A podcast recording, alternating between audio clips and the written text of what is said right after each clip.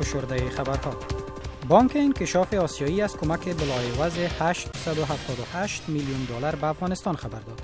قرار است این پول در مدت چهار سال آینده برای تمویل پروژه های انکشافی در بخش های حمل و نقل، انرژی و منابع طبیعی به مصرف برسد.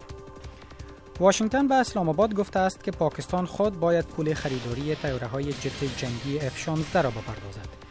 این اقدام پس از آن اتخاذ شد که کانگرس ایالات متحده در مورد استفاده وجوه مالی حکومتان کشور برای خریداری این جت های جنگی اعتراض کرد.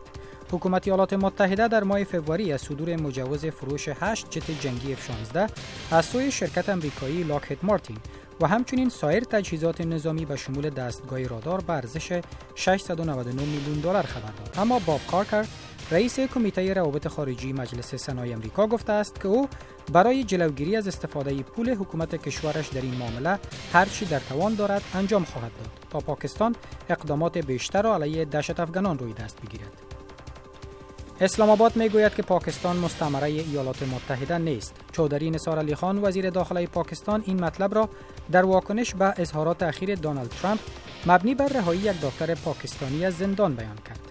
دونالد ترامپ کاندید پیشتاز حزب جمهوری خواه در انتخابات مقدماتی ریاست جمهوری ایالات متحده روز جمعه در یک مصاحبه با شبکه خبری فاکس گفت که اگر وی به قصر سفید راه یابد اسلام آباد را در دو دقیقه وادار به رهایی دکتر شکیل افریدی خواهد کرد.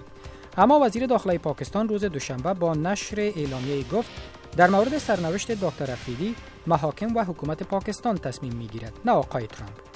دکتر افریدی سازمان استخبارات مرکزی آمریکا یا سیایی را در یافتن اسامه بن لادن رهبر شبکه القاعده در پاکستان کمک کرده بود سازمان دیدبان حقوق بشر از حکومت عراق خواسته است تا اجازه بازگشایی دفتر شبکه تلویزیونی الجزیره را در بغداد صادر کند یک مقام اسرائیلی گفت کشورش در نظر دارد که دومین گذرگاه مرزی بین اسرائیل و باریکه غزه را به خاطر مقاصد تجارتی بازگشایی کند. دنمارک اعمال کنترل موقت بر مرز آن کشور با آلمان را به خاطر جلوگیری از سرازیر شدن پناهجویان تمدید کرد. واشنگتن کارتر وزیر دفاع ایالات متحده می‌گوید که ناتو در حال بررسی طرح استقرار چهار کندک نظامی در اروپای شرقی می باشد. پایان خبر